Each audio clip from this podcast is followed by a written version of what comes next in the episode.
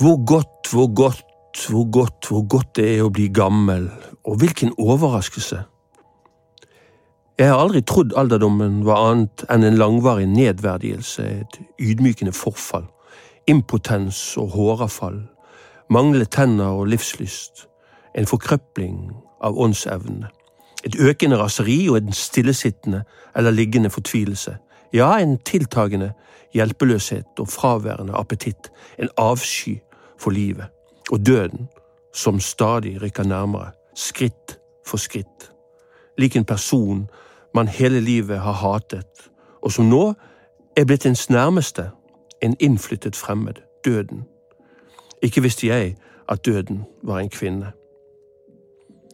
Jeg bor sammen med en kvinne, nærmest en mor, hun kommer og går, styrt av denne elektronikken. Jeg trykker på en knapp, den grønne, og her kommer hun. Jeg trykker på den røde, og der går hun. Mekanisk, riktignok, med en knekk i hoften. Men jeg er mer enn fornøyd. Hun snakker som en kvinne, og ler som en kvinne, og elsker som en kvinne. I november fyller jeg 90. Jeg har levd tre eller fire liv. Slik virker det som. Om meg selv kan jeg si jeg har levd livet fullt ut. Jeg er verken skamfull eller beskjeden. Jeg har reist og sett de landene jeg ville se. Jeg har spist godt, og jeg har kjent kvinner. Jeg har drukket alkohol og røykt sigaretter. Jeg har brent mitt lys i begge ender.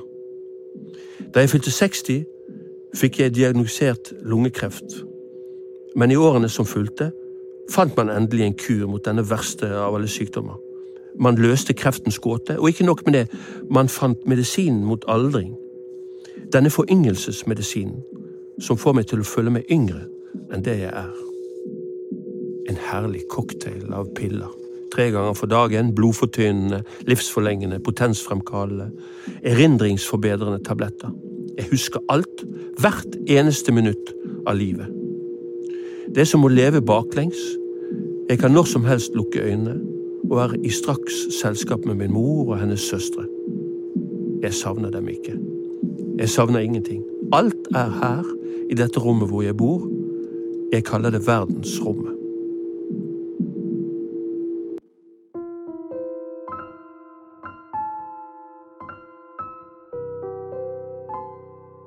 Her i dette verdensrommet bestemte jeg meg for å bli et monster.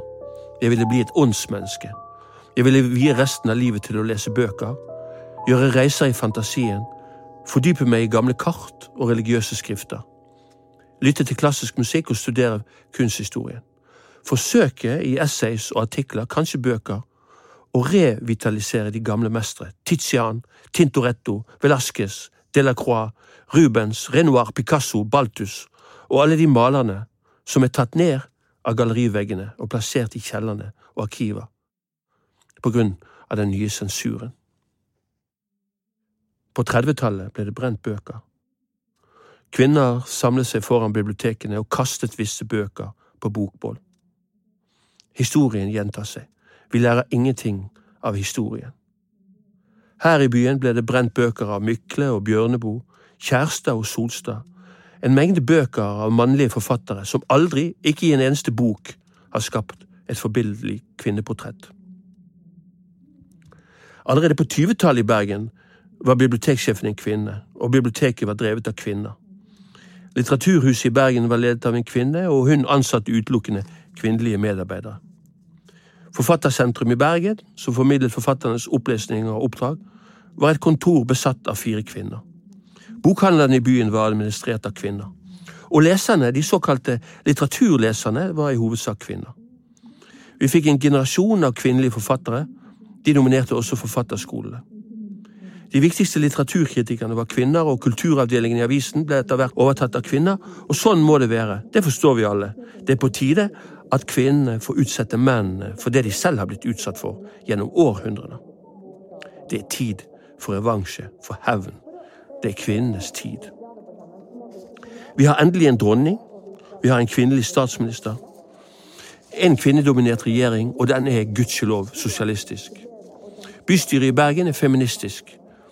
Vi har fått seks timers arbeidsdag, full barnehagedekking, borgerlønn, en rettferdig fordeling av økonomien. Og allerede om noen år skal vi være kvitt de siste kapitalistene, eiendomsspekulantene, aksjemeglerne, investorene, børshaiene, forretningsmennene og handelsmennene som holdt på å ødelegge denne byen fullstendig. Motorveier, trafikkmaskiner, cruisetrafikk, masseturisme, hoteller og kjøpesentre. Alt dette skal gradvis erstattes av en ny by. Det såkalte Nybergen. En grønn by med parkanlegg og hager og lekeplasser i sentrum. Her skal det bygges kulturhus og gartnerier og skolehager. Her skal det etableres gårdsdrift med dyrehold og kjøttproduksjon, og vi skal dyrke våre egne grønnsaker, våre frukttrær og busker, våre blomster og trær. Her vil det bli bihold og egne områder for insekter og et mangfold av dyrearter. All trafikken vil bli elektrisk, og energien vil komme fra vind og hav og sol. Det er virkelig en revolusjon. En ekte og nødvendig revolusjon. En omveltning av alle verdier. Et fantastisk eksperiment.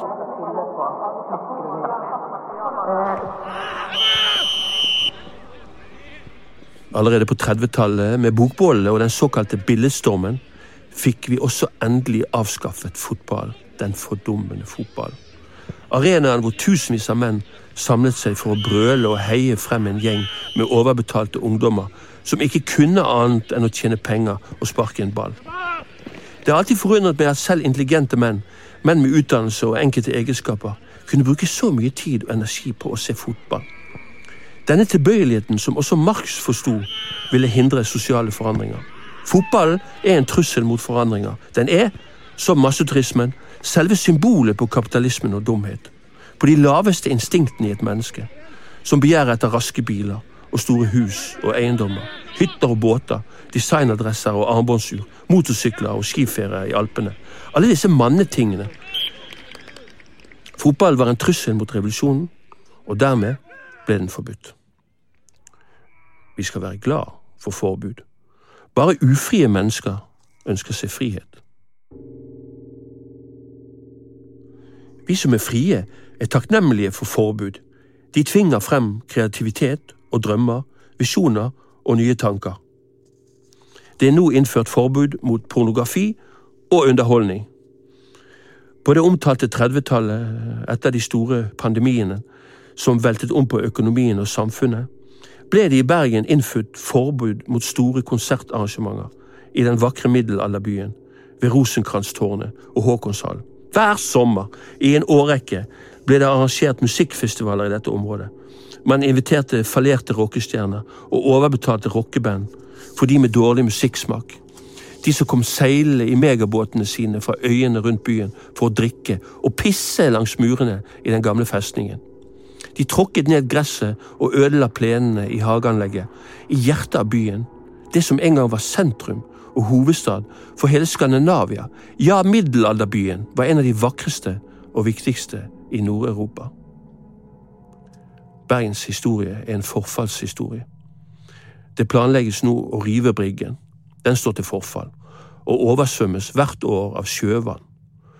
Man regner med at allerede om noen år, i 2050, vil vannstanden være så høy at store deler av Bryggen vil ligge under vann. Man river derfor den råtne trebebyggelsen.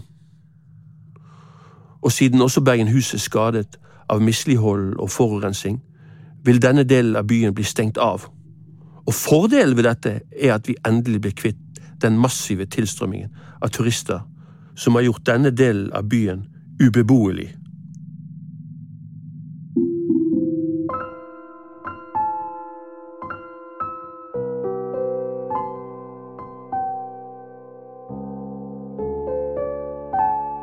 Nei, nå legger jeg ned pennen. Jeg begynner å bli trøtt.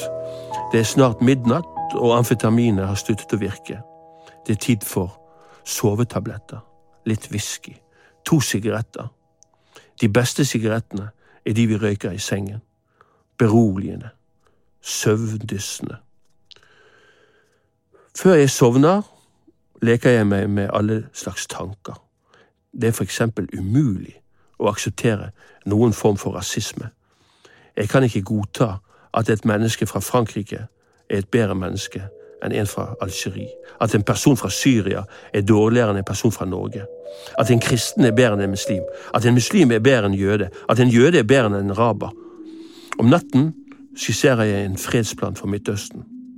Den skal endelig løse konflikten mellom Israel og Palestina. Det ligner en drøm. Jeg drømmer at jeg får muligheten til å leve livet på nytt. Hvor og hvordan ville du leve? Ved denne tanken suser jeg allerede over vidden på en snøscooter. Vi følger reinflokken på vei fra beite til beite. Himmelen er isende blå, og snøen ligger hvitt i det som ligner et ishav. Solen skinner, frosten biter. Vi lever et fritt liv. Vi lever i samsvar med dyrene, med naturen. Vi er i bevegelse. Vi lever som nomader. Den ene dagen ligner aldri den andre.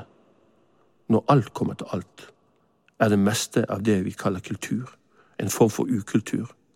Og jeg klarer meg godt uten teater. Uten kino. Uten alle disse nedslående standup-komikerne, kjendisklovnene, visesangerne, kirkeartistene, bergensrockerne, bergensforfatterne, bergensmalerne, bergenskverulantene, bergensadvokatene, bergensrussene, flosshattene, festspillfjolsene. Det vi trenger er sigøynermusikk, tiggere. Vi er alle tiggere. Vi tigger etter underholdning, etter kultur. Alt vi trenger er natur, fuglesang, bienes summing, vinden som synger i trærne, kattenes elskov, hønenes bjeffing, dyrenes brøl. Det er naturens tid. Men hva var det jeg hørte i nyhetene like før sengetid? Bystyret i Bergen har kommet med to nye forbud. Det er forbudt å demonstrere og marsjere i gatene, med unntak av 8. mars og 1. mai. Det betyr slutten for buekorpsene. Disse vakre, halvmilitære bataljonene som skaper farger i byens gater med sine uniformer og geværer. Da vi gikk marsjerende gjennom byen og slo på trommene, trommet med trommestikkene mot trommeskinnet, sang vi inni oss for å holde takten og rytmen. Sang vi Anne har en deilig rumpe, bom falleri fallerull av deg. Den kan både le og prompe, bom falleri fallerull av deg. Og det andre forbudet gjelder kirkene. I byens sentrum det har lenge vært klaget på bråket fra kirkeklokkene om søndagsmorgenene. Nå skal det ikke lenger ringes med klokkene til gudstjenestene. Selv har jeg alltid foretrukket bønnerop fremfor klokkeklang. Nå kan vi endelig, uforstyrret, høre bønneropene fra de nye moskeene i Dreggen og Nygårdsgaten. Det minner noen av oss om de gode årene i utlendighet. Lukten av peppermynte i Beiruts suker, Kashbaren i Ramallah, gamlebyen i Damaskus, alle disse byene som er i ferd med å forsvinne, slik Venezia er forsvunnet slik vår egen by synker i alt dette vannet som risler og skvulper så fint inn i drømmene når vi sover.